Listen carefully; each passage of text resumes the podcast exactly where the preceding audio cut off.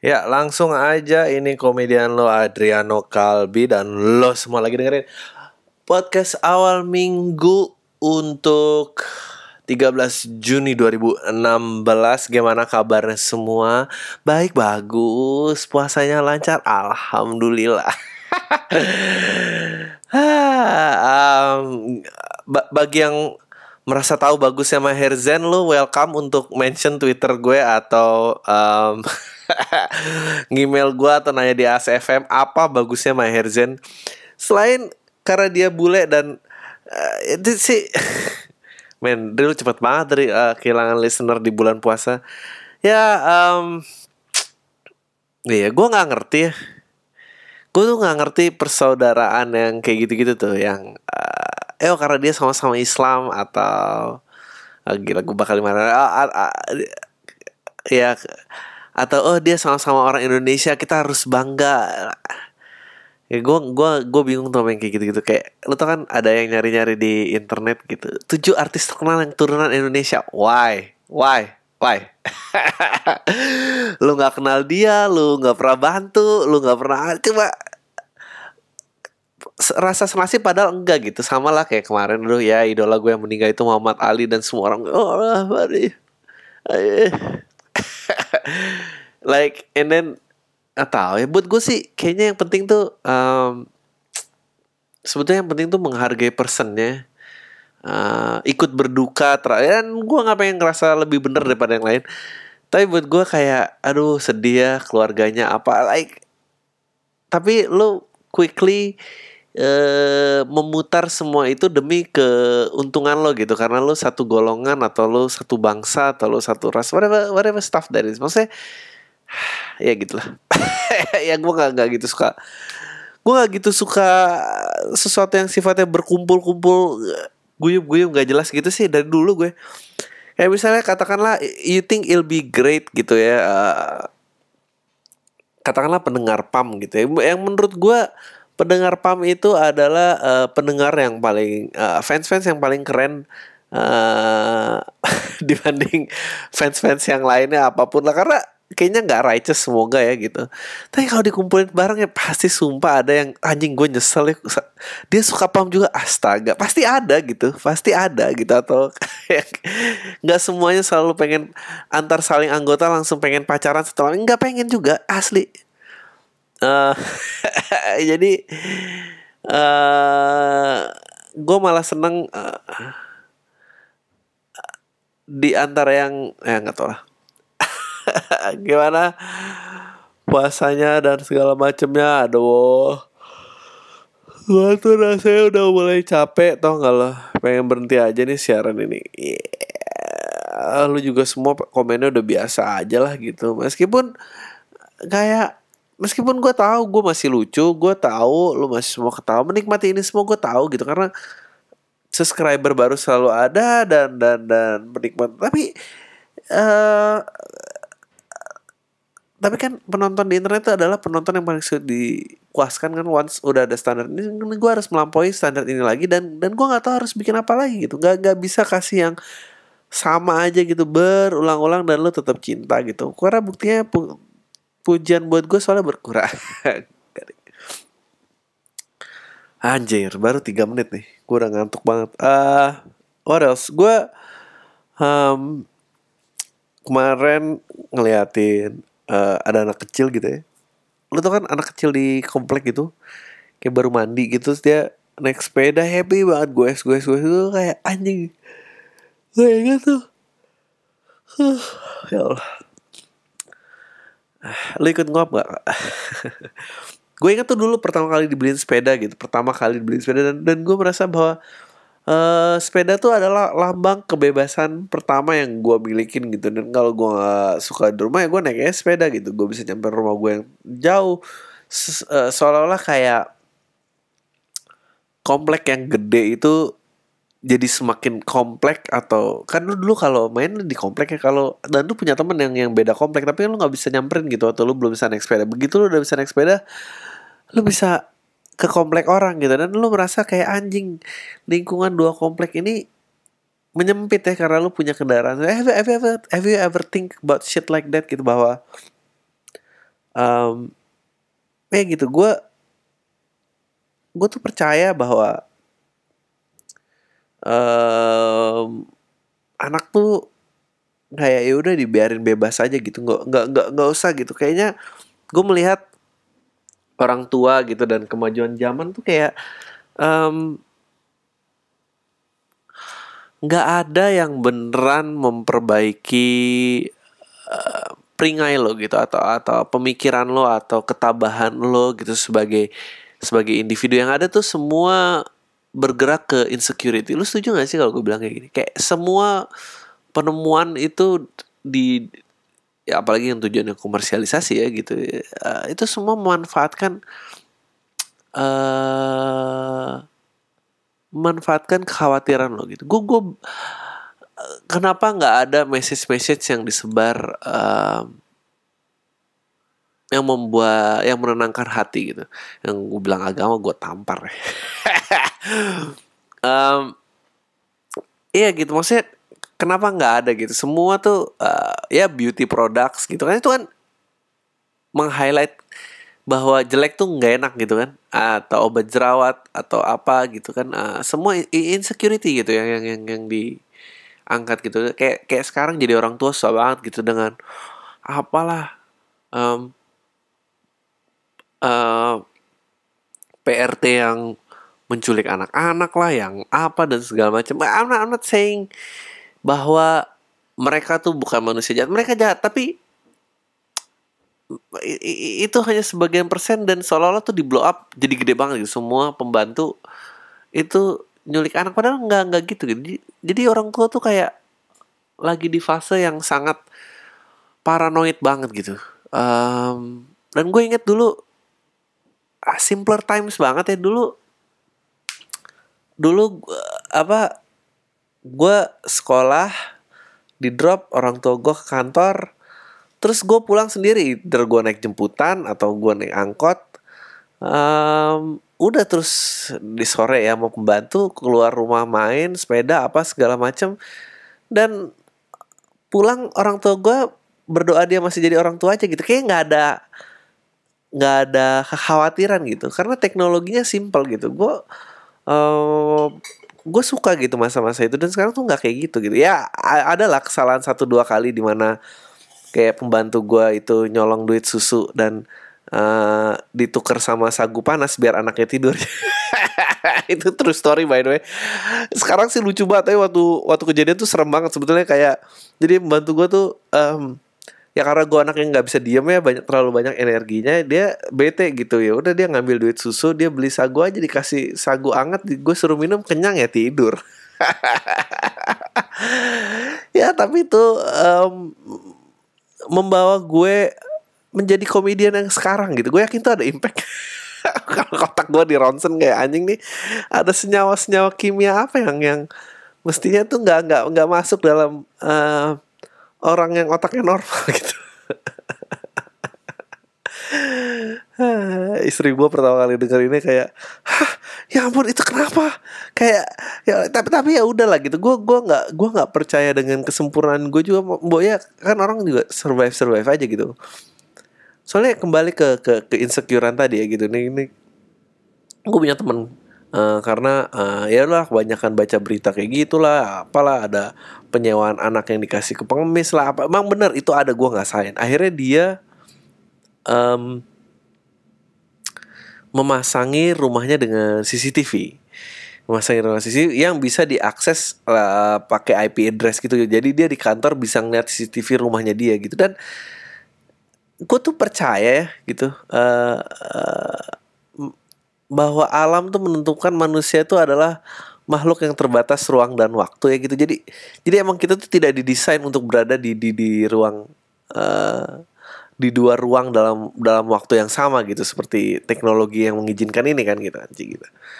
Masih gitu apakah ngeri kejahatan apa segala macam? Ini orang Parno beli teknologi ini bla bla bla.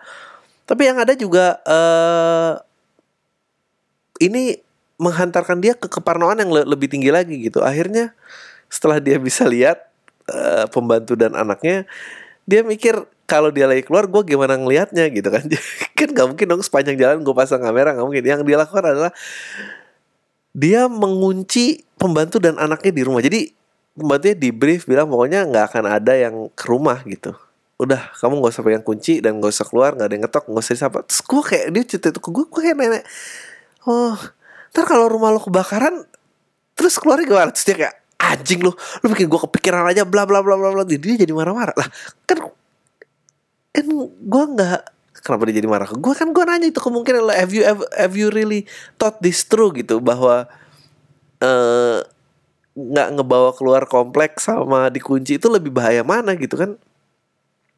Terus dia kayak ya ya udahlah knock on wood aja semoga eh rumahnya nggak kebakaran. Ya kalau emang ujungnya knock on wood semoga rumahnya kebakar, kenapa dia nggak dari awal aja pas punya anak ada pembantu ya knock on wood lah semoga pembantu gua nggak ini gitu. Gue ya gue sekarang nggak tahu ya. I think a kid will eventually uh, figure things out. Uh, kemarin ada yang nanya gue kenapa uh, banyak orang tua yang mengatur uh, meskipun anaknya udah dewasa apa dan gue bilang mungkin juga mereka nggak banyak reference tentang menjadi orang tua gitu atau atau mereka uh, di di penjara oleh keinsecurities mereka gitu. Dan um, dan gue percaya itu ada hubungannya dengan uh, kenapa anak-anak ah, ya kota besar gue nggak mau ngomong Indonesia karena gue nggak pernah keliling Indonesia. Dan pastinya uh, yang mengataskan nama Indonesia tuh uh, tidak berpikir panjang kalau mereka mengaksesnya dengan internet padahal se Indonesia juga masih banyak titik-titik yang listrik aja belum ada. Jadi jangan janganlah sekali sekali ngomong Indonesia. Ngomonglah kota-kota besar di Indonesia gitu. Karena lu gak tahu Indonesia. Kayak akses uh, karena yang masih coba kayak dengerin podcast ini nih ini demografis Indonesia yang seperti apa coba? Yang yang pastinya kayaknya uh, berlangganan internet gitu ya uh, berpikiran cukup maju. Jadi ini ini hanya sebagian kecil lah. Gue nggak berani seolah-olah ini mewakili rakyat Indonesia anyway gue melenceng jauh gue nggak tahu topik apa tadi yang ngomongin. Apa tadi aku yang ngomong apa? Oh pembantu pembantu. Oh gue percaya ke insecure oke gue ingat gue ingat. Gue percaya ke insekuritasan orang tua terhadap anaknya itu uh, uh, ada hubungannya uh, dengan anak-anak kota besar Indonesia yang yang menurut gue gak dan gue termasuk ya uh, telat kedewasaannya lo lo pernah gak sih kayak kayak ngeliat bule dan lo sama anjing umur segini tua banget. Sebetulnya kayaknya bukan mereka yang tua tapi kita yang ke kemudaan gitu. Um, uh, apa ya nggak uh, uh, bisa decide pilihan sendiri, nggak bisa milih jurusan sendiri, nggak bisa milih kuliah sendiri gitu. Hanya orang tua orang tua yang yang cukup progresif lah yang, yang gue yakin jumlahnya kecil banget gitu, yang membiarkan anak-anaknya mem belajar memilih uh, dan me membiarkan anaknya menerima resiko dari pilihan mereka. Sama seperti uh, uh, di di orang tua orang tua yang zaman dulu banget yang yang yang yang rela lah anak-anaknya main sepeda ya udah main aja sepeda gitu. Dan gue yakin dengan teknologi yang yang makin menambah keinsecurean kita uh, kedewasaan anak-anak itu pasti akan uh, mundur makin jauh anjing bener juga ya si Adri. Nih gue sekarang berusaha menyuarakan suara hati pendengar. Tak ya ya tapi gue gue percaya kayak gue kemarin lihat uh, di Facebook ada yang ngepost uh, sampul halaman sampul halaman um, covernya kawanku ini zaman zaman tahun 80-an 90-an gitu dan itu ada Atala Riksha ada um, kayak Mario Lawalata kayaknya ada beberapa yang gue lupa lah Ntar kalau gue ketemu linknya gue gua post pasti. Dan lu lihat muka-muka anak itu ya. Dan lu lihat uh, Gita Gutawa. Kayak umurnya sama. Tapi anjing ini anak kecil banget gitu. Dan, dan makin ke sini semua orang makin kayak anak kecil. Karena uh, ya gak tahu ya. Kayaknya di zaman Nabi kan akil balik udah boleh jihad ya. Maksudnya itu panggilan kedewasaan yang sangat kalau lo nonton 300 gitu kan kayak gitu tuh kan kayak ada anak kecil. Kalau anak kecil dia pergi sama saya gitu. Terus ibunya nangis nangis enggak dia harus ditinggal di hutan dan dia akan kembali seorang pria. Itu itu bener banget loh. Gue percaya itu. Gue percaya dengan uh, entah ada dua hal ya. Entah orang tua yang melepaskan kontrol atau individu tersebut melepaskan kontrol dan akhirnya jalan di hidupnya sendiri dan udah jelek ja, baik jeleknya dia yang tanggung gitu. Anjing. Dalam nggak? Cukup dalam ya? Um, iya dan iya gitulah. Um, kayak Alexa gitu tuh kan bapak-bapak ya. Gue kayak kata-katain semua orang uh, atau um, oh, oh, oh, atau gini deh uh, aduh tapi ntar gue kalau ngatain gila nih Adri berani banget hipster kan enggak gue pengen berusaha ngasih perbandingan yang yang yang linear gitu biar biar gampang gitu apple to apple. Misalnya efek rumah kaca lu cari tahu personilnya umurnya berapa dan dia lagi ngomongin apa dan dia katanya Radiohead Indonesia kan? Nah lu lihat Radiohead nemuin sound yang mereka temuin sekarang itu umur berapa?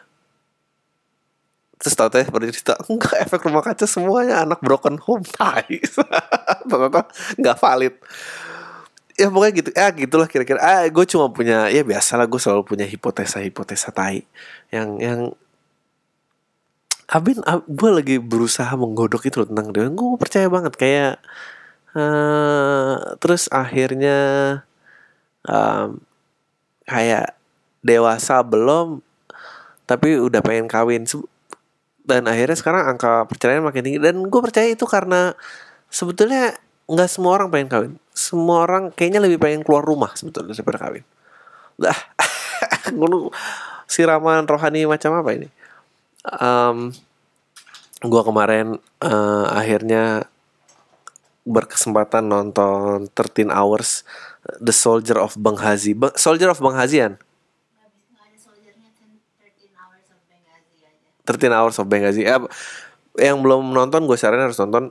Itu ceritanya. Oh my god, gue tuh ini dia kenapa um, gue tuh nggak gue tuh uh, kag bukan kagum sih kayak anjing nih orang-orang di internet yang berkoar-koar ah buka ini buka itu anjing lu ngerti gak sih kayak kalau gue sih ngeliat ngeliat itu kan terkenal sebuah Ghazi itu ceritanya di Libya. Jadi uh, di Libya itu kan tadinya ada diktator uh, yang berkuasa lama banget si Gaddafi itu. Gue lupa dia dari tahun berapa berapa. Pokoknya dia udah udah udah udah sinting banget lah si Gaddafi ini uh, sampai akhirnya ada dokumenter tentang uh, rumahnya dia gitu bahwa uh, ternyata ada alat pemerkosaan di bawah gitu. Kayak kayak kayak kasur yang yang yang perempuan buat ngelahirin tapi tapi itu dia pakai buat memperkosa orang. Nah, karena dia uh, memiliki bodyguard yang semuanya perempuan yang berlaku sebagai bodyguard dan dan sex sex slave-nya dia gitu. Which is ya pokoknya khasnya diktatorship banget lah gitu nah akhirnya dia runtuh uh, di uh, direvolusi sama rakyatnya dicari-cari itu sampai akhirnya ketemu di got ditembak dan diarak-arak lah. Diarak-arak uh, sekarang nah ini status quo dong nih negaranya. Biasalah kalau status quo kan abis Amerika berperan nih ceritanya kan. Um, Nah, Amerika masuk, uh, dia dealing dengan rakyat Libya dan rakyat Libya pada situ bilang, uh, lu lu boleh masuk, tapi gua nggak pengen ada senjata yang masuk gitu karena uh, nggak usah ditambah chaos lah. Jadi uh, karena ekonomi nggak ada, gila hancur gue tuh takut banget kalau negara ini revolusi dan uh, dan kayaknya nggak jauh negara ini dari revolusi gitu. Gue tuh ekonomi nggak ada, semuanya miskin. Uh, yang akhirnya yang diperjualbelikan di pasar itu adalah uh, sisa-sisa perlengkapan militernya si uh, Gaddafi. Jadi jualan rudal gitu di pinggir pasar gitu kayak eh rudal rudal rudalnya bu gitu kayak. Terus dan di rudal rudal gak suka empa Eke Eke gimana? Pokoknya kayak gitulah. Jadi emang emang uh, dan kalau lu ngejual senjata kan lu akhirnya lo mensupport kekerasan dong. Harus ada kekerasan mana? Kalau nggak nggak ada yang beli kan. Itu akhirnya akhirnya itu yang terjadi um, ya Amerika sebagai polisi dunia berusaha lah masuk uh, masuk terus dia bilang ya kedutaan lo boleh datang lo boleh establish bantu kita establish pemerintahan yang baik tapi dengan syarat tidak boleh ada angkatan bersenjata or at least per, perlindungan minimal aja lah gitu ya, akhirnya uh, si uh, uh, apa dubesnya itu menyewa orang Libya lokal yang bertindak sebagai untuk securitynya dia doang lah. Nah tapi ya biasalah Amerika kan dealnya itu tapi uh, dia dia nggak nggak cuma ngelakuin itu. Yang dia lakukan adalah di, dia juga udah masukin CIA ke situ. Dan selalu lah CIA selalu masuk uh, terhadap negara-negara yang stat, status quo gitu. Um, uh, salah satu abis perang ya ya seperti yang kita tahu ya Korea juga seperti itu Vietnam juga seperti itu dan uh, salah satu Indonesia seperti itu. Untuk lebih jelasnya bacalah uh, Confession of Economic Hitman dan di sinilah mulai lagi gimana caranya mereka menggather informasi dan bisa dealing sama siapa dan gimana nawarin uh, bantuan membangun infrastruktur dan segala macam segala macam segala macam. Nah itu terus um, kan abis itu kan ceritanya um, ceritanya uh, ada itu tuh rakyat Libya marah gara-gara ada yang membuat kartun Muhammad atau apa gitu. Um, ya kayak kartun Muhammad deh. Ini rakyat Libya marah dong. Ini pasti perbuatan Amerika anjing diserang lah dubesnya. Uh, um, apa diserang lah dubesnya saya sebagai bentuk protes terhadap Amerika ya itu pegawai yang uh, yang lindungin compoundnya langsung lari lah orang cuma sewaan kecil doang gitu nah tapi ada CIA nih nah si CIA ini dia nge-hire kayak private contractor gitu loh tentara lepasan gitu yang baru balik baru lepas tugas baru Esjan lah. Dia dia dia narik tentara Esjan dari dari Amerika. Ada jumlahnya ada enam. Dan dan karena CIA uh, eh, persenjataannya cukup lengkap. Nah konflik dari film itu adalah ceritanya um, ceritanya adalah bahwa pada saat rakyat Libya menyerang kedutaan Amerika CIA itu kan nggak ada yang ngasih tahu karena ini tidak part of the deal gitu bahwa Amerika tidak memasukkan CIA, Amerika udah setuju tidak membawa persenjataan berat gitu. Jadi mereka have to remain secret. Nah, akhirnya si enam prajurit itu yang yang yang akhirnya mereka digelari pahlawan di rumahnya mereka lakukan adalah mereka membelot dari employernya CIA untuk kayak ah fakit lah. Lu tuh bukan nyelamatin ini dubes bisa mati. Akhirnya dia datang dan merangin rakyat Libya untuk nyelamatin uh, dubesnya yang akhirnya udah telat lah. Akhirnya mati setengah jam kemudian dan akhirnya karena dia akhirnya rakyat Libya tahu dong loh kalau ini ada yang nyerang ini orang dari mana? Ini dari CIA dan akhirnya CIA juga diserang. Nah habis itu semua rakyat nyerang dia harus bertahan selama 13 jam. Karena nelpon ke Prancis minta bantuan airstrike nggak dikasih. Karena semua ngak nggak ngakuin mereka tuh berada di situ ya. Pokoknya singkat kata pokoknya akhirnya dia berhasil lah dan dan dan pulang gitu. Tapi men lu ngelihat rakyat Libya itu aduh. Dan akhirnya akhirnya mereka kabur. Oke nah ini di sini. Nah akhirnya mereka kabur. Mereka nggak ber uh, diserang 13 jam bertahan udah pokoknya akhirnya uh, di escort keluar dari negaranya Amerika mendeklar uh, Libya sebagai failed state negara yang gagal dan ternyata si penyerangnya itu ISIS dan uh, Libya sekarang dijadikan markas ISIS. Uh, diduduki oleh militer anjing. Udah habis itu nggak ada yang mau ngurusin aja gitu. Uh, jadi ceritanya itu kayaknya Libya negaranya penduduknya terbagi dua gitu antara orang-orang uh, yang ingin uh, mengestablis dengan pemerintahan dengan baik dengan satu sisi ISIS yang mau menduduki daerah ini sebagai uh, dan membesarkan uh, kekuatan militernya gitu ya. Men, lo ngelihat state negara apa keadaan negara yang nggak ada pemerintahnya tuh menyeramkan banget. Gue sih nggak sanggup lo kalau disuruh angkat senjata gila loh. Gue gue jagonya ngelawak gitu. Gue mau pakai apa? Gue anjing ini perlu gak sih pak? Dar dar dar dar dar gini. Gue aduh. Dan kayak kan rakyatnya overthrow the government nih. Nah pada saat di overthrow the government terus gimana caranya? Kan rakyatnya harus dipem, harus diperintah dong harus punya pemerintahan dong gitu. Nah itu anjir oke okay, katakan uh, oke okay, Amerika juga kan orangnya iseng gitu ya. Maksudnya mereka nggak nggak nggak membantukan tanah eh mengulurkan tangan demi ke kebijakan negara itu gitu. Banyak pasti deal-deal sampingan yang berlakukan ya kalau lo baca di Confession Economic Hitman yang mereka lakukan adalah mereka menyalurkan dana gitu uh, entah dari bantuan dari NGO dan segala macam untuk biasanya bangun energi uh, eh, PLN dan segala macam gitu-gitu. Tapi kontraktornya harus dari kita gitu. Uh, dari duitnya udah balik lagi yang ada tuh lo tinggal ngutang gitu. Ya udah lo ntar terjebak ngutang aja. Dan itu terjadi terjadi di ya terjadi di sini juga gitu.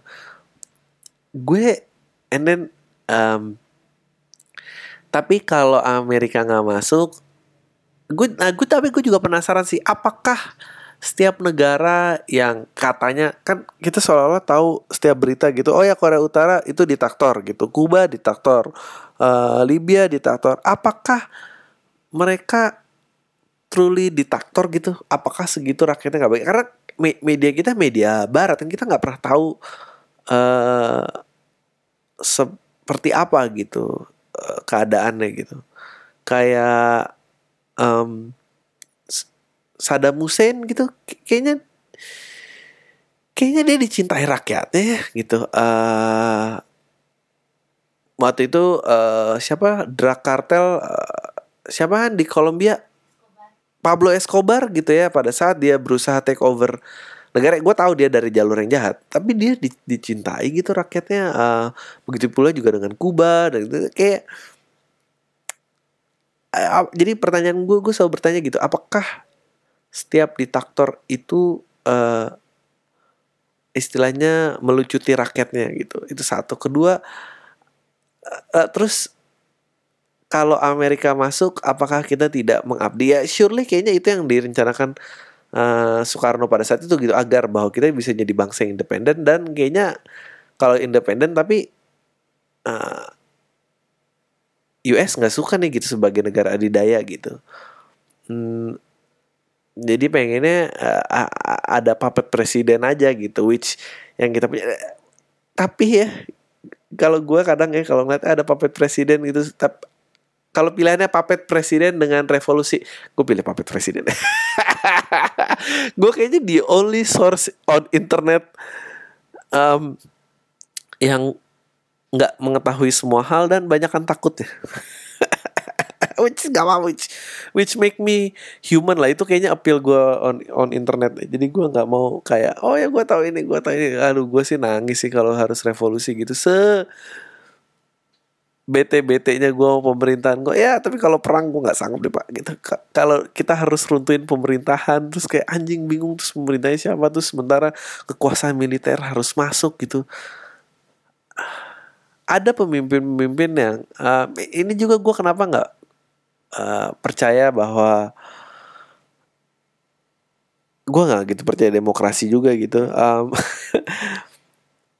gue tapi gue percaya sama orang baik tuh ada gitu. Buktinya uh, siapa kan uh, yang yang yang akhirnya rajanya menghadiahkan demokrasi terhadap rakyatnya? Butan Butan tuh negara apa? Butan Butan kan? Ya. Eh, Butan tuh adalah salah satu contoh yang hebat. Salah satu contoh uh, uh, kerajaan yang neg, neg, apa rajanya tuh sayang gitu sama rakyatnya. Nggak di abuse gitu ada indeks kebahagiaan ada apa gitu. Jadi it's it's not about the system. It's about the person gitu. Karena gue percaya kalau orang niatnya jahat ya mau sistem kayak apa pasti dicari gimana caranya dia bisa berkuasa gitu mau katanya uh, uh, kan uh, apa dengan uh, pemilihan langsung dan masa pemerintahan maksimal dua kali, lu memastikan uh, ini tidak melahirkan dictatorship gitu. Itu really gitu, bukannya yang ada sekarang uh, votersnya nggak siap sebagai apa artinya menyuarakan pilihan tuh apa gitu di di negara yang ya ini yang lagi-lagi diributin um, kayak misalnya eh dulu eh sekarang eh, kayak komunisme itu itu apa anjing itu itu rakyat-rakyat nggak bisa baca gitu. Abis tahun 50-an 95% Indonesia tuh buta huruf. So orang-orang yang terdaftar dalam catatan komunisme itu juga nggak ngerti apa yang mereka lakuin gitu. Jadi oh, gimana caranya lu bisa mencapai puncak demokrasi gitu? Kalau emang SDM itu cuma segitu gitu. Eh, tapi sebenarnya bisa gitu through education uh, di ayomi baik-baik buta buktinya bisa gitu um, ya gitu uh, tapi dengan kalau kepolosan tapi kalau misalnya terbentuknya seperti kalau diktatorship pasti Amerika mau ngancurin bla bla bla and terus lu muter-muter aja gitu gue tuh selalu berpikir ya kayak dengan masa pemerintahan maksimal dua kali gitu. Lu hitung aja gaji presiden berapa setahun. Kan semua kita tahu nih. Gaji presiden berapa, lu kali katakanlah dia bisa dua kali menjabat. Nah menurut lo emang uang segitu dia mau pensiun dengan uang segitu? Apa yang membuat lo itu tidak bakal korupsi? Bukannya malah jadi makin korupsi ya? Eh, yang penting pertama keluar dana gede untuk bisa kepilih yang di masa pemerintah pertama bisa, bisa kepilih dua kali dan dua kali itu dia panennya gitu oh Adri tapi lo kalau kayak gini memancing revolusi banget. Ya enggak tapi gue cuma pengen lo mikir jangan sampai revolusi juga. Kalau revolusi pemerintahan gue takut.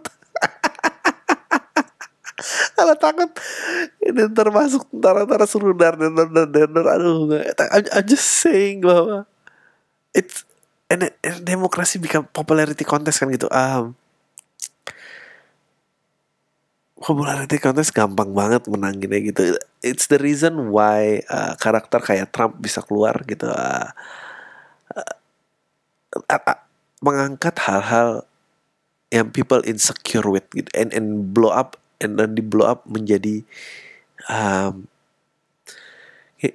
kayak Trump become a racist gitu itu karena ada uh, ada kebencian yang kan kalau demokratis kan populis dong gitu kan. Popularitas kan di atas 50% lah. Gitu. Ahok selalu bilang ya kalau benci gue yang penting 50 plus satu. Gue sih nggak peduli sama yang lain.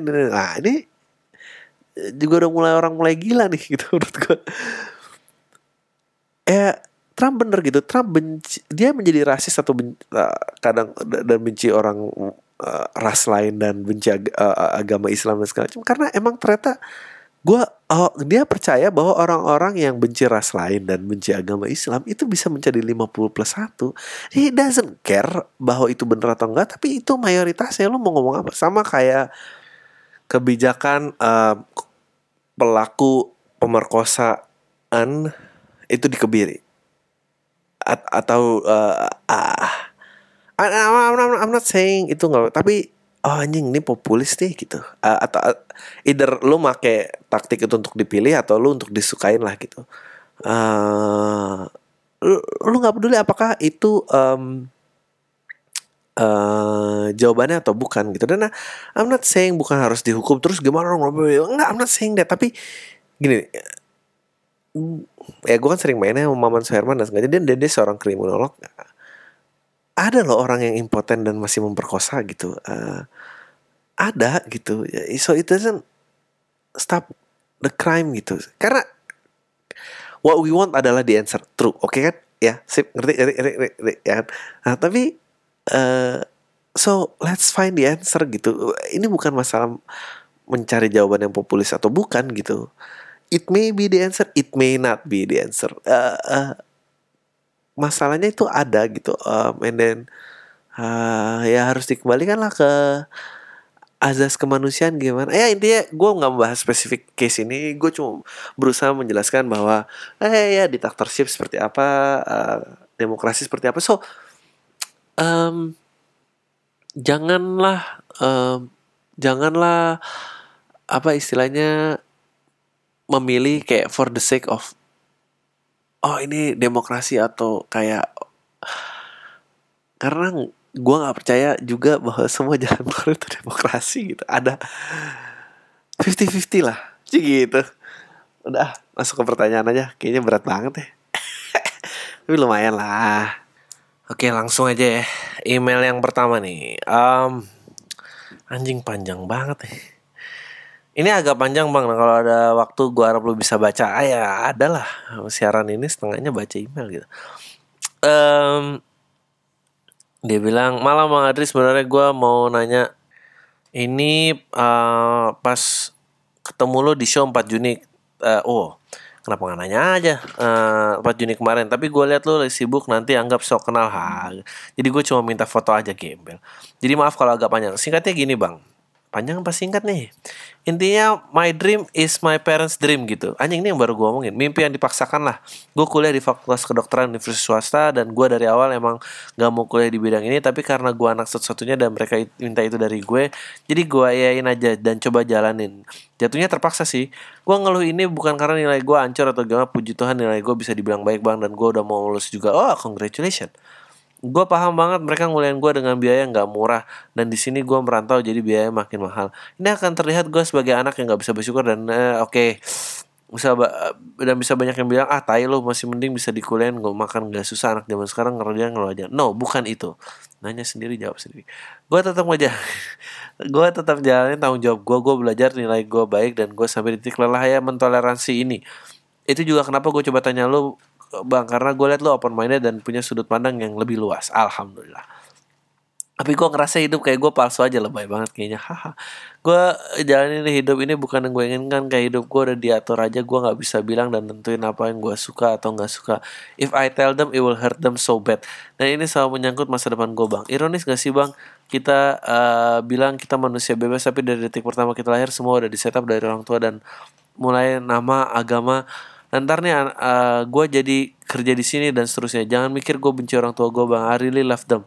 Gue cuma benci keadaan aja. Anyway gue masih bisa terima pas awal mulai sekarang gue udah di satu titik jenuh um, dan gue ng- nggak tahu mau ngapain. Pertanyaan gue bang satu hal macam ini memang complicated atau gue aja yang banyak ngeluh dan lembek kayak yap yupi? Oh yupi itu eh, permen permen gummy bear itu ya kalau semua nggak ada yang tahu What should I do? Gue jalanin aja terus atau gimana? Selanjutnya gue mesti gimana?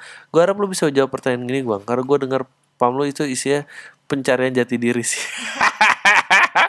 Jadi gue tempat aja nanya hal macam ini ke lu bang. It means lot kalau lu bisa jawab atau minimal bisa kasih bahan sharing ke gue personal bang. Gak usah dibahas di pam juga gak apa-apa. Ah, Sekali lagi ah, maaf bang ah, kalau panjang banget. Sukses terus bang dan Tuhan memberkati. Oh Tuhan memberkati juga. Oke gini anak ceritanya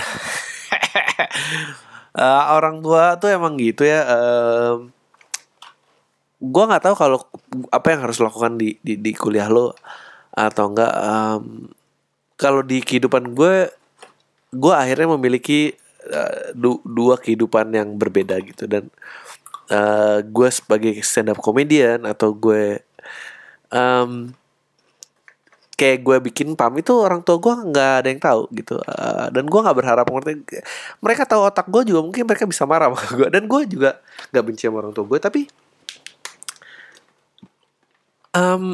gu- ada lagunya plastik namanya rahasia emang simpan saja di dalam hatimu gitu. Nggak semua harus dimengerti. Itu itu tuh bener banget gitu. Karena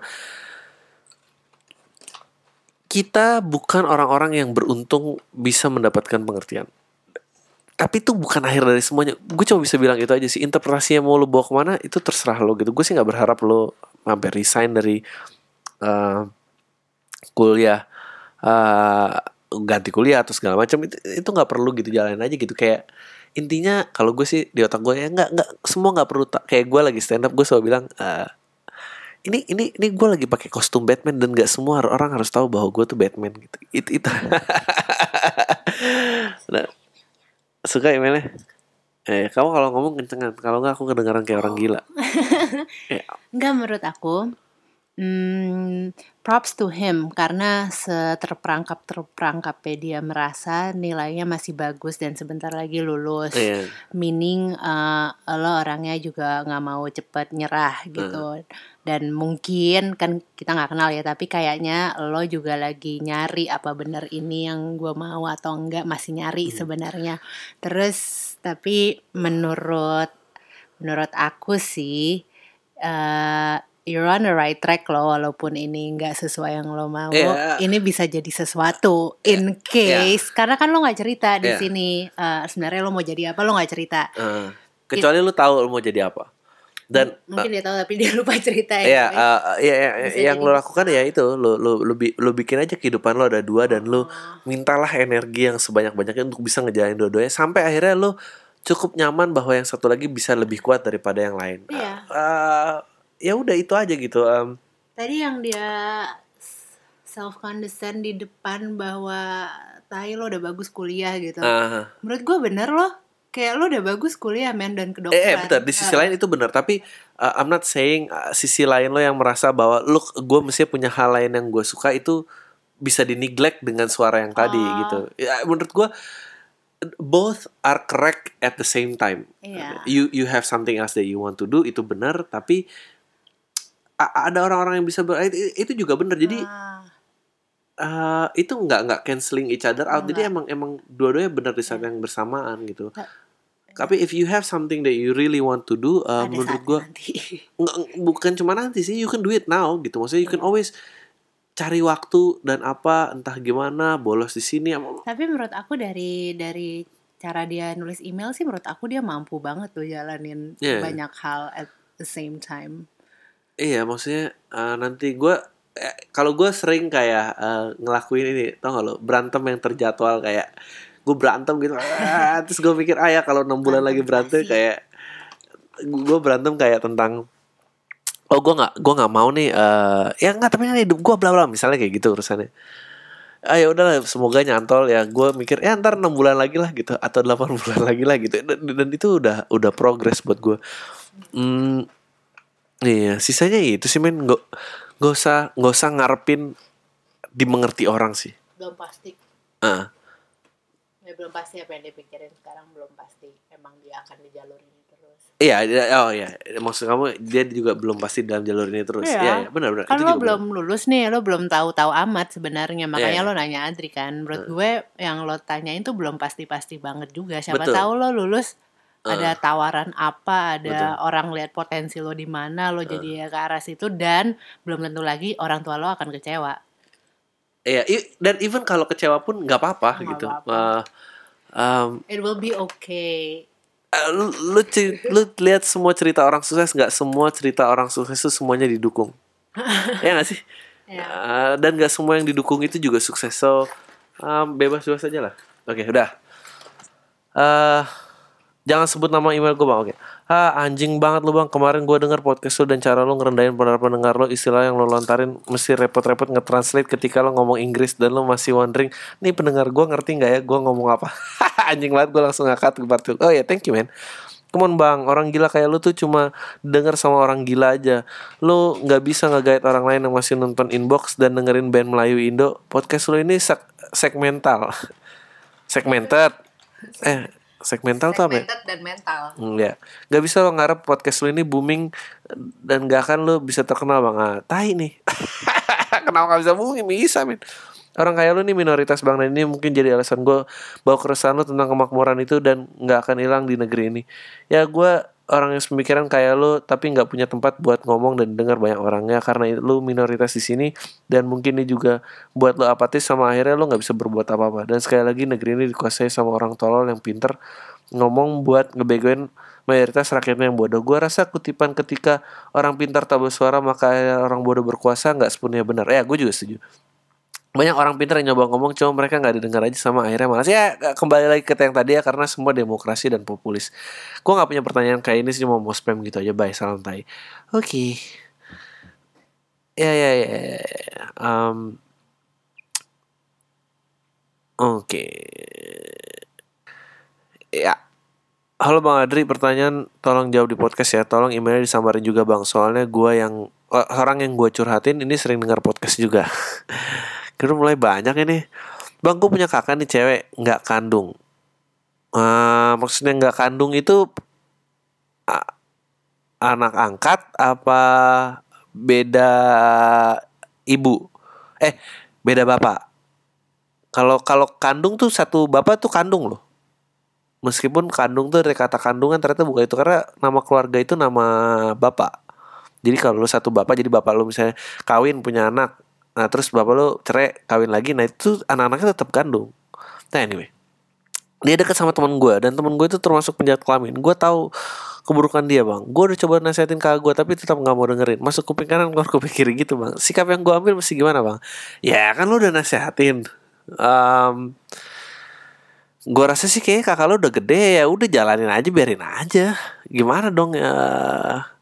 Ya ini kayak tadi lah. Ini salah satu um, uh, apa namanya menghargai kebebasan dan ke inilah gitu. Dan ya lu kasih syarat aja kalau lu sama dia ya lu nggak main sama gua lagi atau apa gitu. Yang yang yang kalau lu emang nggak nyaman ya nah ini. Tapi kalau har, lu harus jadi polisi buat kakak lu gitu kayak susah ya. Um, lu nggak mau digituin sama orang tua lo dan gua rasa um, lu jangan gitu sama orang lain. Oh by the way buat yang tadi si kuliah dokter itu gue pengen ngomong lagi ada yang ketinggalan. Dan gue harap lu inget apa yang lo rasain sekarang jadi biar lo nggak terusin ke anak lo uh, menurut gue itulah yang bisa dilakukan terbaik bu buat generasi ini gitu. Jadilah generasi yang berkorban. Jadi jadilah generasi yang, yang mutus lingkaran itu itu aja sih jangan lu terusin lagi ini uh, cowok gue sering utang isi worth dating tanpa memandang kemampuan finansial dari dua pihak uh, bias bodoh amat jawab di podcast ya. Halo Bang Adri, jangan sebut nama ya. Gue mahasiswa tingkat akhir dan magang di salah satu agensi uh, bilangan Jakbar. Salam kenal ya. Sebelum jawab pertanyaan di atas, uh, salah nggak sih kalau gue pengen ngejauhin gebetan gue yang nggak pernah ngebayarin gue kalau jalan? Apa kalau gue terlalu matre? Gue udah deket sama cowok ini hampir setahun ganteng iya bego enggak personalia dia nice. Selama deket ini gue ngerasa I have feelings towards him dan so he does kata temen gue yang deket sama dia dan kata temen gue sih gitu. Kita ketemu di kala sempet aja karena kalau ini lagi kuliah di Bandung. Ih lu ngapain sih? Oh lu juga kuliah soalnya tapi saat ketemu jarang uh, ada biaya yang tak terduga yang gue keluarkan. Selama ini dia nggak pernah bayarin gue, nawarin aja enggak. Dia sering minjem uang gue. Momen pertama ngutang waktu gue lagi cari perintilan di art and science pas gue lagi lihat-lihat dia ngambil buku gitu terus ya udah kelar mulai kasir dia bilang ke gue e, ada uang sekian nggak nanti gue ganti he belum KTM ya udah gue sih masih oke okay aja saat itu oh shit tapi lu belum dicium kan? Udah diutangin, dicium lah. Aduh, gimana sih? pas jalan lain waktu sama gue, dia makan dan terus pas minta bilnya kita bayar masing-masing. Nah, pada saat itu tuh dia megang cash tapi kurang bayar buat makanan dia terus gue bilang ya udah pakai uang gak aja dulu dan di situ dia masih denial dan so nanya ke mas-masnya di sini ada ATM gak ya gitu-gitu deh terus dia in the end pakai uang gue dan bilang nanti gue ganti. Oh shit. Dan bulan lalu gue sama dia datang ke Ampera Ria. Dan waktu itu wah kita juga datang. Kenapa nggak nyapa gue c? Gitu. Waktu sampai di tempat lagi antri di tiket booth dia bilang mau ke mobil dulu ambil rokok sama HP ya udah tapi gue tetap antri. Dan lima menitan gue setelah purchase tiket dia datang dan lu tau lah. Oh shit. Dia minum aja jarang beli. Mau di restoran apa apa pasti minta sama gue. Anjing An kasihan banget kamu harus jawab nih dia cewek nih yang jawab. Terus dia uh, waktu itu gue beli churros favorit gue beli dua bungkus buat gue dua-duanya. Sebelumnya gue nanya lo nggak beli? Dia bilang enggak ah. Pas gue makan dia bilang boleh nyobain nggak? Gue bilang boleh. Dia bilang enak. Dan dia bilang minta lagi boleh nggak? Dan gue bilang eh gue kira lo se PC doang. Nyatanya diambil sebungkus tai oh sepis doang oke. okay and other expenses ya uang tol, bensin, nombok-nombokin yang kurang, parkir dan sebagainya. Terus itu nggak ada yang dia ganti padahal selalu ada kalimat terselip nanti gue ganti fuck gitu. Sorry ada cerahan gue segala habis gak enak bang kalau cerita ke teman dia. Jadi gue cerita ke lo ada sukses terus bang. Eh kamu harus jawab nih. Jadi dia jadi dia ceritanya Enggak, lagi deket setahun, udah setahunan dia bilang katanya ganteng iya bego enggak personality dia nice. Tapi dia selalu punya kayak dia pertama kali sadar adalah dia lagi uh, beli perintilan di art and science uh, ngambil tiba dia ngambil buku terus nunjuk ke kasir ya bilang ke gue uh, ada uang sekian nggak? Nanti gue ganti ke ATM tapi terus nggak nggak pernah diganti. Itu satu ada terus iya kayak gitu. Nanti dia pertanyaannya cowok sering ngutang isi word dating tanpa memandang kemampuan finansial dari dua pihak. Uh, jauh di menurut kamu gimana gua, aku nggak tak gini loh at, at least um, mendingan sih lo lain kali kalau ketemu lagi kayak eh lu bilang aja eh gue tuh bayarin ikhlas loh tapi lu nggak usah sok pura-pura mau ke ATM udah gituin aja ya nggak sih nggak terus Tapi pertanyaannya sih worth dating apa Nah, enggak kan? ya enggak lah Menurut gue aku enggak sih. gue nanya juga ya tapi diutangin belum dicium kan kasihan banget udah Hah? diutangin Udah setahun masa belum dicium? aduh Udah lah pasti. Jadi jawabannya langsung pendek singkat padat dan jelas bahwa enggak lah ya Enggak. jawabannya enggak lah ya Enggak. Em, kalau bayar sendiri-sendiri sebetulnya tuh oke-oke aja Kenapa kan deketnya setahun ya? Dia nembak juga enggak ya? enggak karena karena long distance satu di Bandung satu di Oh. eh, menurut gue Menurut gua Iya. mungkin dia benalu aja sih orang iya lo udah setahun sih. Lo nggak agak gawat sih. Heeh. Eh, lu juga jangan mau setahun ngapain kayak gitu. Dan ini bukan masalah mau bayarin nggak bayarin menurut gue ini masalah eh eh, dan bukan masalah ngutang ngutang dia selalu bilang eh, mau ke ATM Iya jangan. which is which is itu itu nggak bener. Enggak enggak. tapi kalau aku sih orangnya agak nyantai juga ya. Kamu juga kayaknya nyantai. Ka- kamu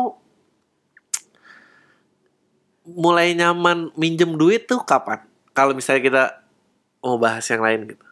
Eh, yang jelas sudah pasti pacaran lah ya. Kecuali ya kecuali kayak kalau makan oh kalau deket ya?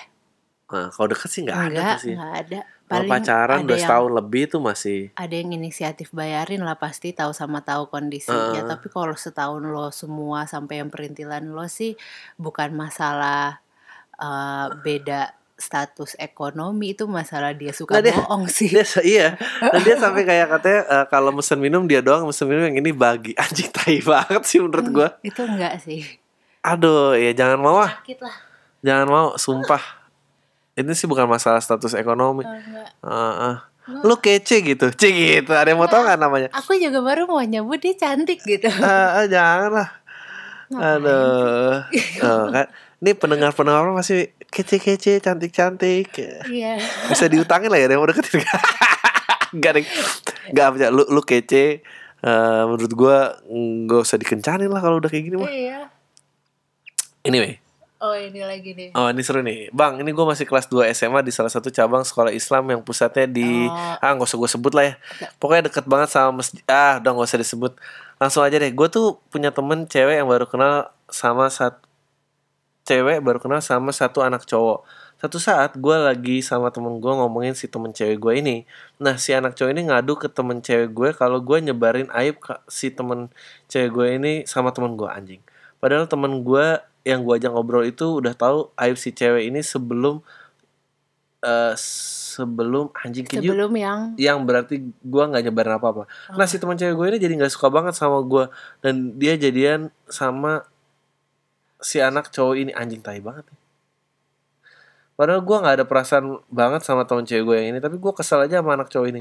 Gue kesel banget dan gue ajak ngomong aja anak cowok ini, eh gue baik-baik dia malah nyolot gitu bang nantangin gue karena gue udah kesel banget gue pukul aja di tempat. Bagus soalnya keren keren. Yang mana gue nyadar itu salah. Enggak lu nggak salah. Eh lu harus tahu ntar gue ceritain abis gue baca email akhirnya gue dipanggil guru dan gue dis- disuruh ceritain masalahnya. Eh ya udah gue ceritain dari awal. Dan guru gue ngerti kalau emang cowok ini salah. Tapi gue jadi lebih bersalah gara-gara mukul duluan. Terus gue diskors tiga hari. Gue sempat kesel banget sih hukumannya kayak terlalu berat. Tapi pas teman gue eh gue bilang sih anak cowok ini bibirnya sobek pas gue pukul kayak shit is this worth it This FYI, is worth it. worth, worth it worth it Uh. Ka- kalau lu bilang everything is fair in love and war is this fair cara dia ngadu domba gue sama teman gue ke cewek ini lo harus tahu ya gue punya masalah yang sama sama lo jadi gue temenan sama satu cewek ini dan gue temenan doang gue temenan doang gue dia juga pacaran waktu itu sama temen gue karena eh eh, dan, dan gue ke- kerjaannya dengerin curhatan mereka berdua aja. Nah tapi cewek ini akhirnya karena sering main sama gue kenalan sama temen gue yang lain yang beda geng.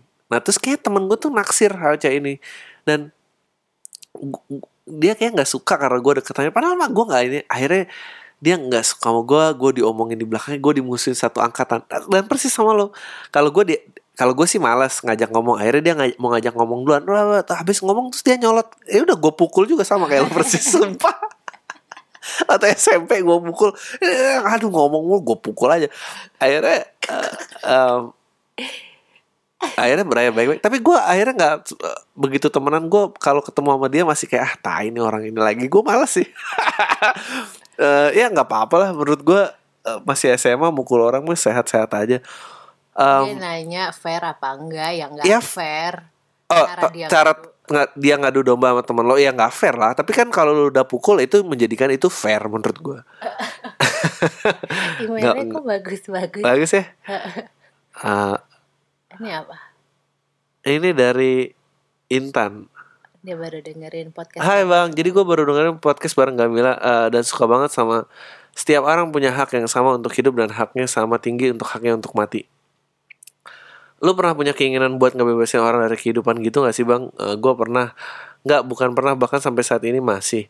Entah udah 4 atau lima tahun banget gue pengen banget ngelepasin seseorang dari hidupnya yang emang nggak bisa dibilang hidup lagi.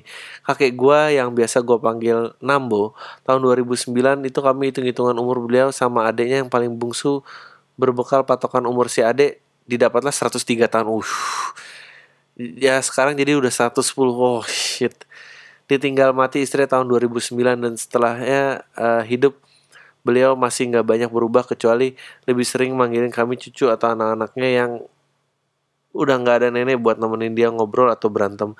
Oh ya biarpun umurnya udah lebih dari satu abad, ingatan Nambo bagus banget. Beliau punya sembilan anak dan dia hafal nama anak, menantu, cucu, serta cicitnya. Udah kami udah lima generasi sekarang. Wah gokil.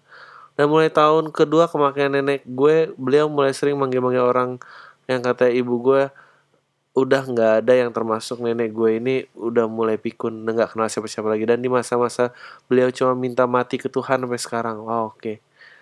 Bang kebayang nggak sih gimana bisa dengerin orang minta mati hampir setiap hari udah 4-5 tahun ini beliau buta dan sekarang nggak bisa bangun lagi dari kasur dan tiap hari minta mati. Aduh dan gue aminin tiap bilang gitu. Sometimes gue ngerasa jahat tapi emang beliau uh, kepingin dan gue rasa juga itu baik bukan cuma buat beliau tapi juga kami. Udah pengen mati gue juga pengen beliau mati. Kenapa bakal masalah gitu kalau gue bantu prosesnya eh, eh aduh pikiran ini jahat bener sih. Udah bang gue cuma mau cerita. Eh tapi pengen juga sih dengar tanggapan lo tentang masalah gini. Atau ya bikin satu episode khusus yang bahasannya rada dark gini bareng Gamila lagi. Mungkin karena kalian uh, semikiran masalah gini. Karena ya hidup nggak bisa secara, sek- eh, sekedar tentang hidup aja kan ya. Thanks bang. Em, ya gue nggak tahu sih apa solusinya. Em, gue rasa lo melakukan apa yang lo bisa eh dengan mengamini doa-doa kakek lo gue rasa sih lo nggak jahat ya insting lo perasaan lo itu sama validnya dengan opini-opini yang lain. So em, Wah, menurut gue ya mungkin kalau lu bisa lakukan ya lu buka topik ini sama orang tua lo kali ya gitu betapa banyak berat memang kalau hidup sudah tidak berasa hidup lagi dan udah 110 tahun tapi Kak, kalau lu cukup berada sebetulnya lu bisa bawa ke luar negeri ya tapi kalau di sini kan ilegal. Em, iya gue gue gue percaya itu sih eh, semua itu hanya pelajaran dan segala macam dan eh, mengharapkan beliau untuk hidup lagi lebih lama juga itu kan hanya keegoisan yang masih muda aja gitu. Eh, kita nggak tahu apa yang udah dijalani. Nah ini gelap banget ya puasa-puasa. Udah Eh, halo bang, to the point aja apa pendapat lu tentang anjing gue udah tahu nih bakal nanya ini. To the point apa pendapat lu terhadap video pemilik warteg yang dagangan disita karena nggak ditangkap nggak toleran terhadap orang berpuasa. Danke. Woi, apakah kamu dari Jerman sih? Ada nih pendengar dari Jerman. Gue gue gue em, di SFM gue juga ada yang nanya, gue jawab sekalian aja. Apa pendapat gue tentang eh, jadi kalau yang belum tahu eh, kemarin ada penjaga warteg di Banten eh, yang melanggar peraturan perdanya dari peraturan perdanya ada dari tahun 2010. Eh, ini ada juga nanya di eh, SFM gue. Kenapa sih eh, orang mempermasalahkan warung eh, dipaksa tutup ketika Ramadan tapi nggak ada yang mempermasalahkan bandara dan fasilitas umum lain di, di Bali ditutup ketika nyepi. Saya dan saya netral hal ini nggak memihak mana pun. Ya karena Bali seleb tweetnya nggak sekuat yang di Jakarta. Gak lah, just joking. Um, ya karena itu ya, karena mungkin now netizen runs the world, uh, uh, or runs, or at least runs issue di uh, ibu kota ini. Um,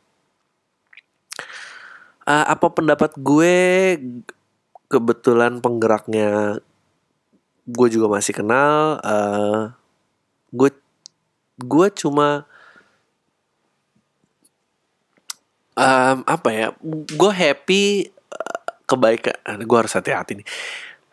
Gue happy kebaikan kemanusiaan kita masih ada gue happy uh, gue sedih kenapa ada perda seperti itu um, tapi satpol pp juga hanya melaksanakan peraturannya. Jadi cerita ibu-ibu itu juga buta huruf soalnya. Jadi dia nggak tahu bahwa ada larangan itu ada dan dan tanpa pandang bulu lah uh, menyikat habis seperti ini. Dan um, terus di blow up oleh netizen netizen uh,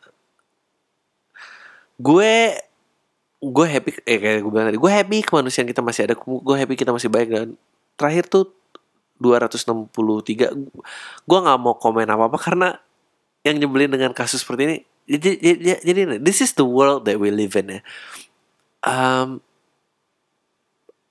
ada segelomboran orang uh, memiliki followers yang cukup banyak gitu dan orang orang-orang ini uh, bisa memblow up uh, kasus-kasus S eh, eh, bukan SD please ya tapi seperti kayak uh, hukuman kebiri uh, itu kan populis ya dari internet yang diterapkan akhirnya diterapkan uh, uh, warteg ini uh, kemarin uh, kemarin Tumblr di blog itu semua sama gitu uh,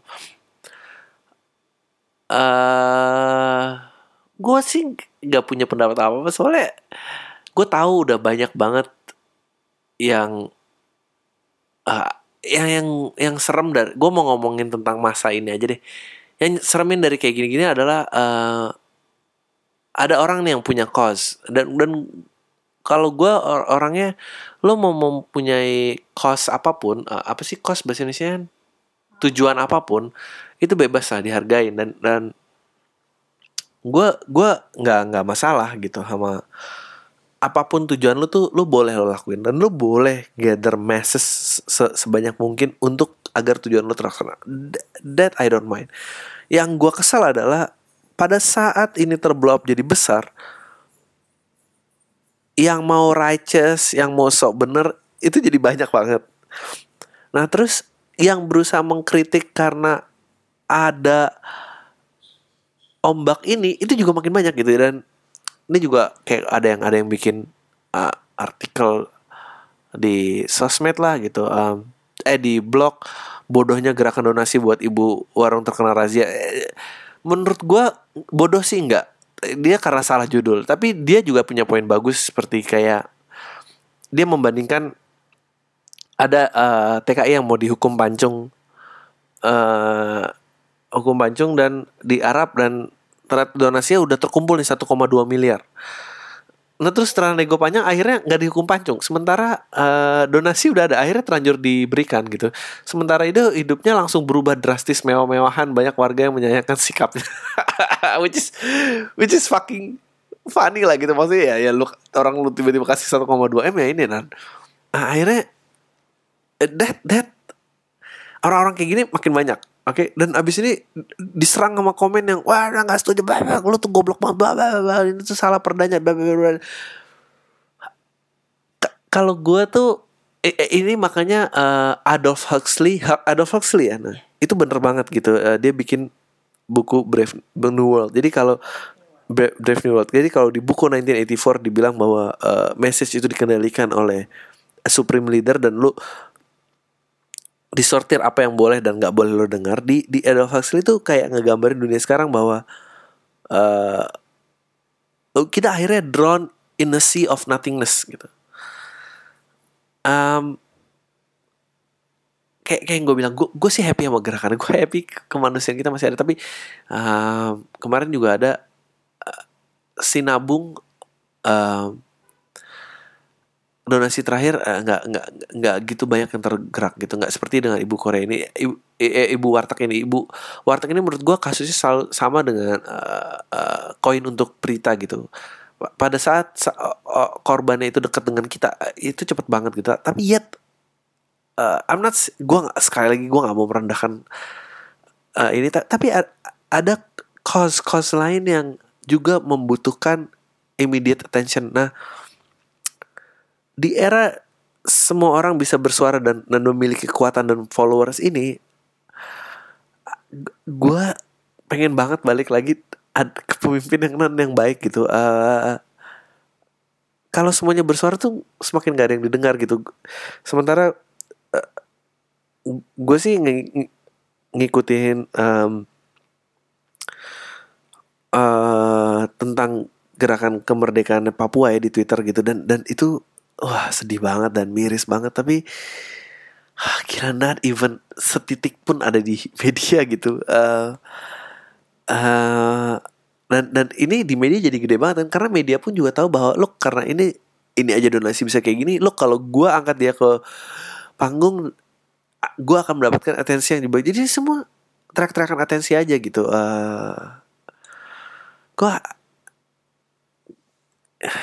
gue gak tau lah. Gue sih salut gue happy uh, oh salah satu contoh lagi yang bisa lebih mengerikan menurut gue uh, kayak kasus pemerkosaan ini gitu ya. I, man ini buk oke okay, betul ada anjing-anjing dalam society they should be put down dan ditaruh uh, di society yang sangat terbawah gitu dan uh, udah gue setuju harus di tapi akhirnya karena banyak banget mengundang reaksi dan banyak banget disebar sekarang yang ada kasus pemerkosaan mulu men. Dan gue nggak percaya kayak 20% orang Indonesia aja tuh memperkosa. Gue nggak percaya itu gitu.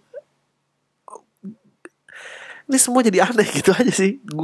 Eh, kalau lu mau tanya pendapat gue it's very confusing um, tapi gue berusaha kalau ada gerakan yang baik uh, eh, gue paling nggak komen gitu. Kalau gue bantu ya gue bantu aja. Uh, apakah gue akan menginisiat sebuah gerakan ah nggak ada lah karena uh, eh, gue nggak merasa itu tugas gue dalam society. Anjing lu Dri lu maunya apa sih? Gue maunya terkenal aja. Udah itu aja. Oke lanjut lagi nih. Ya gitulah kira-kira. Gue bingung lah. I, I, I guess it's good for the ibu itu. I, I guess I don't know. Ya kalau gue tuh ngebayangin orang mau ngiklanin podcast ini tuh gimana lu tau kan kalau di internet nih selalu ada orang yang sotoy banget sama yang benci banget ya kalau lu pengen ada uh, pendapat yang sangat meragukan di tengah-tengah ya lu dengerin podcast awal minggu deh ada gak yang mau dengerin ini biar ragu Oke, ini dari Bang saya Sigit asal Jogja. Saya udah lima tahun kerja di Korea. Bam, ha, makan nih pendengar gue. Hampir tiap dalam gue, uh, saya dengerin Pam soalnya teman sekamar ada yang ngorok. Hampir, huh? Hampir tiap hampir tiap malam. Soalnya teman sekamar ada yang ngorok. Jadi nggak bisa tidur kalau nggak dengerin sesuatu. Dulu sih suka dengerin musik atau nggak dengerin TEDx Talk di YouTube tapi pam mengalihkan duniaku ah halah. Lihat nih. Ha ha ha, ha. Korea baby. Uh, sebenarnya saya malas ngirim ngirim email gini. Jangan dong ngirim dong. Tapi karena kemarin ada yang bilang kalau pendengar dari luar negeri itu cuma orang Indo yang pakai VPN luar negeri. Ya sambil nonton bokep saya jadi pengen ngirim sekali lagi sekali sekali sekali bikin abang senang. Tai. Lagian kalau pakai VPN Korea juga nggak akan bisa ngebokep. Saya di sini situs bokep juga diblokir. Uh, gitu bukan sih cara kerja VPN saya seneng bang.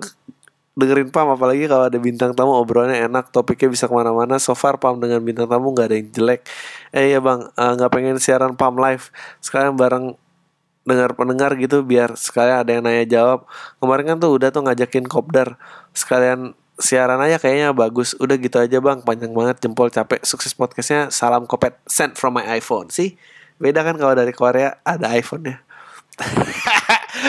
Gue pengen banget dengerin. Gue pengen banget siaran live. Kayaknya harus dipikirin gimana caranya. Tapi satu gue nggak punya alatnya. Eh uh, tapi gue pasti gue pikirin deh gue gue gue pengen lakuin kok. Show aja gue pengen lakuin terus. Oke nih. Adri bikin ter, ter lagi dong di podcast butuh referensi film nih. Thanks bang. Tadi gue udah sebut 13 hours of bang Hazi. Uh, Memento ada yang udah pernah nonton? Nonton Memento. Uh, uh, gua tadi tonton uh, horror thriller gimana? Uh, American Psycho The Shining American Psycho The Shining uh, apa lagi kan Conjuring pertama the best banget. Uh, Saw pertama the best banget. Uh, ya itulah kira-kira. Oke. Okay. ini banyak banget ya. Uh, udah udah lebih. Kamu bentar ya ini mau eh. Eng, uh, kak saran novel buku yang bagus untuk dibaca tapi English version ya. Itu tadi Adolf Huxley Brave New World 1984 gue udah sering banget. Bang jawab bang kebodohan apa yang nggak pernah lo sesali uh, pernah lo lakuin? Jawab di PM minggu depan ya. Uh, hampir nggak ada yang pernah gue seselin sih. Well ada sih kayak ngedeketin cewek terus dia ternyata nggak suka ternyata gue udah gebar-gebor itu gue nyesel. Oh sama sama ini.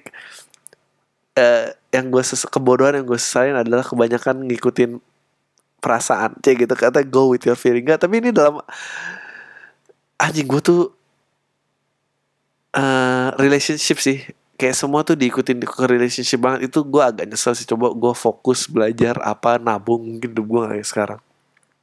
Ya itulah Bang, gue mau sidang akhir nih selasa nanti nggak bisa tidur dan diare-diare mulu beberapa hari ini.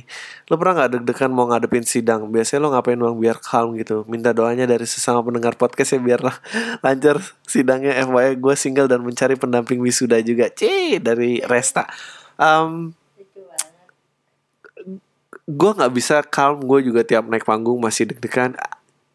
Gue sekarang ngeliatnya kalau deg-degan tuh gue tanda gue peduli sih jadi lo nikmatin aja gitu karena kalau lo berasa biasa aja di big event mungkin tuh nggak ada artinya buat lo dan gue nggak suka kalau jadi sesuatu nggak ada artinya.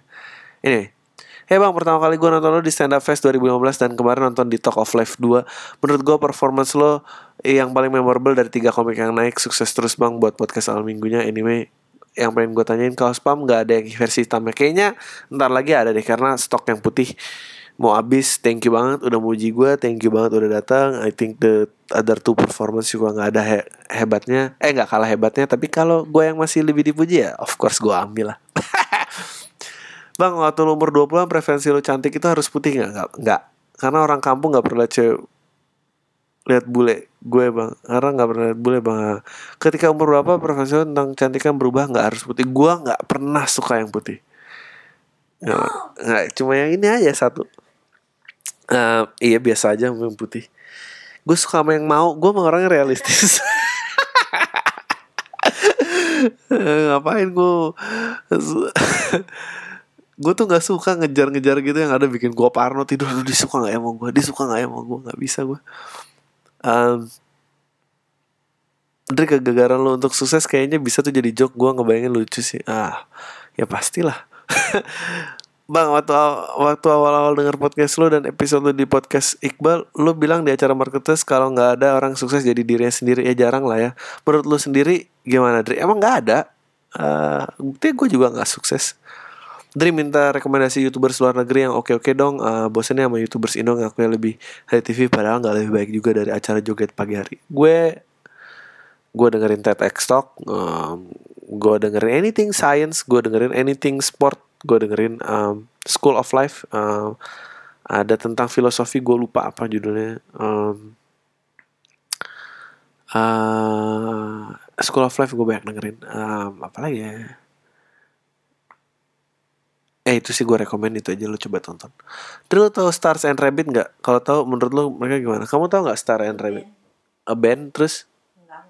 Ya gue juga nggak tau. Ntar gue cari tau dia ada pertanyaan bodoh nih, semoga lu jawab yang logis ya. Kalau tiba-tiba rumah lu yang sekarang kena gusur sengket atau sengketa dan lu harus pindah banget ke daerah pelabuhan atau Tanjung Priok, lu bersedia nggak? Tergantung. Kena gusurnya gue punya hak tinggal apa enggak? Kalau enggak ya gue nggak bersedia lah. Tapi kalau kena tetap nggak rela sih pasti, pasti nggak akan rela. Tapi kalau kena sengketa ya apa boleh buat, tapi gue pasti bakal bete. You may reject my argument and I don't mind. That's the essence of pluralism itself. Agree? No, I don't agree. That's the essence of pluralism. Ini lucu nih. Bang, gue umur gue cewek umur 22 tahun dan kenapa di umur baru segini gue udah nggak bisa jatuh cinta lagi tanpa tapi. Tapi kan dia nggak seagama, tapi kan dia jauh lebih tua, tapi kan dia sukunya nggak sama, tapi kan dia nggak sarjana, tapi kan dia ciumannya nggak enak. Apa emang nggak bakal ada masanya lagi buat gue suka sama dia titik ada lah ada. Don't worry man. Dua-dua muda banget gitu cing gitu. Tergantung sih menurut gue lu lu pengen berproyeksi ke situ terus dan membesarkan tapinya daripada kesamaannya cing gitu. A- a- apa lu mau ah udahlah fuck it gue bodo amat. Ya, itu pilihan sih. Lu bisa pilih itu. Anyway. Um, Bang, kata Semi kan materi lu personal lebih masuk ke dalam diri. Itu caranya gimana bang? Apa salah satunya lewat podcast? Salah satunya adalah nggak banyak dengerin orang. Salah satunya caranya adalah uh, percaya bahwa semua yang lu pikirkan dan perasaan lu itu ada benernya sama validnya dengan pendapat-pendapat orang lain. Uh, nggak membanding-bandingkan diri dengan orang lain. Uh, nggak bersaing, nggak ah ya ya. Udah ya, capek gue. Thank you ya. Uh, tayo semua. Deh.